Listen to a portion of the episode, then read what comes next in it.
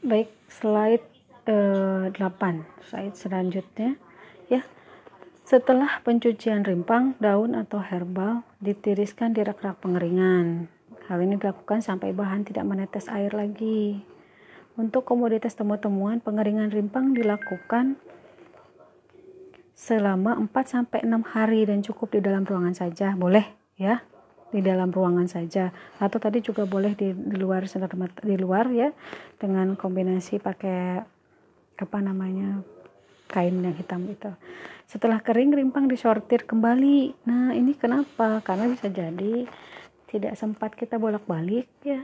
Akhirnya uh, si rimpang yang sudah di dikeringkan ini atau daun-daunan ya tanaman herbal yang sudah ini tuh nggak nggak nggak nggak ter nggak bolak-balik ya nggak kering ya. jadi nanti kalau nggak kering kan tadi saya bilang ada bisa jadi ada jamur yang tumbuh di situ. Makanya disortir lagi yang kedua kali supaya sesuai dengan standar mutu ya untuk dapat diolah lebih lanjut. Khusus untuk rimpang jahe ya nih ini ada contohnya nih.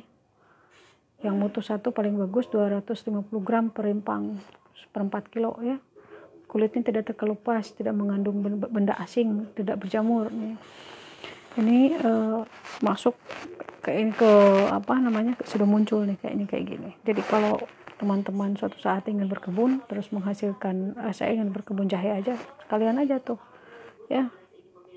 Hasilnya kalau bisa ada menghasilkan jahe yang besar-besar.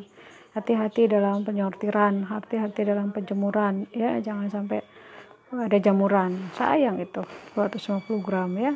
Jadi grade mutu 1 mutu 2 mutu 3 ya.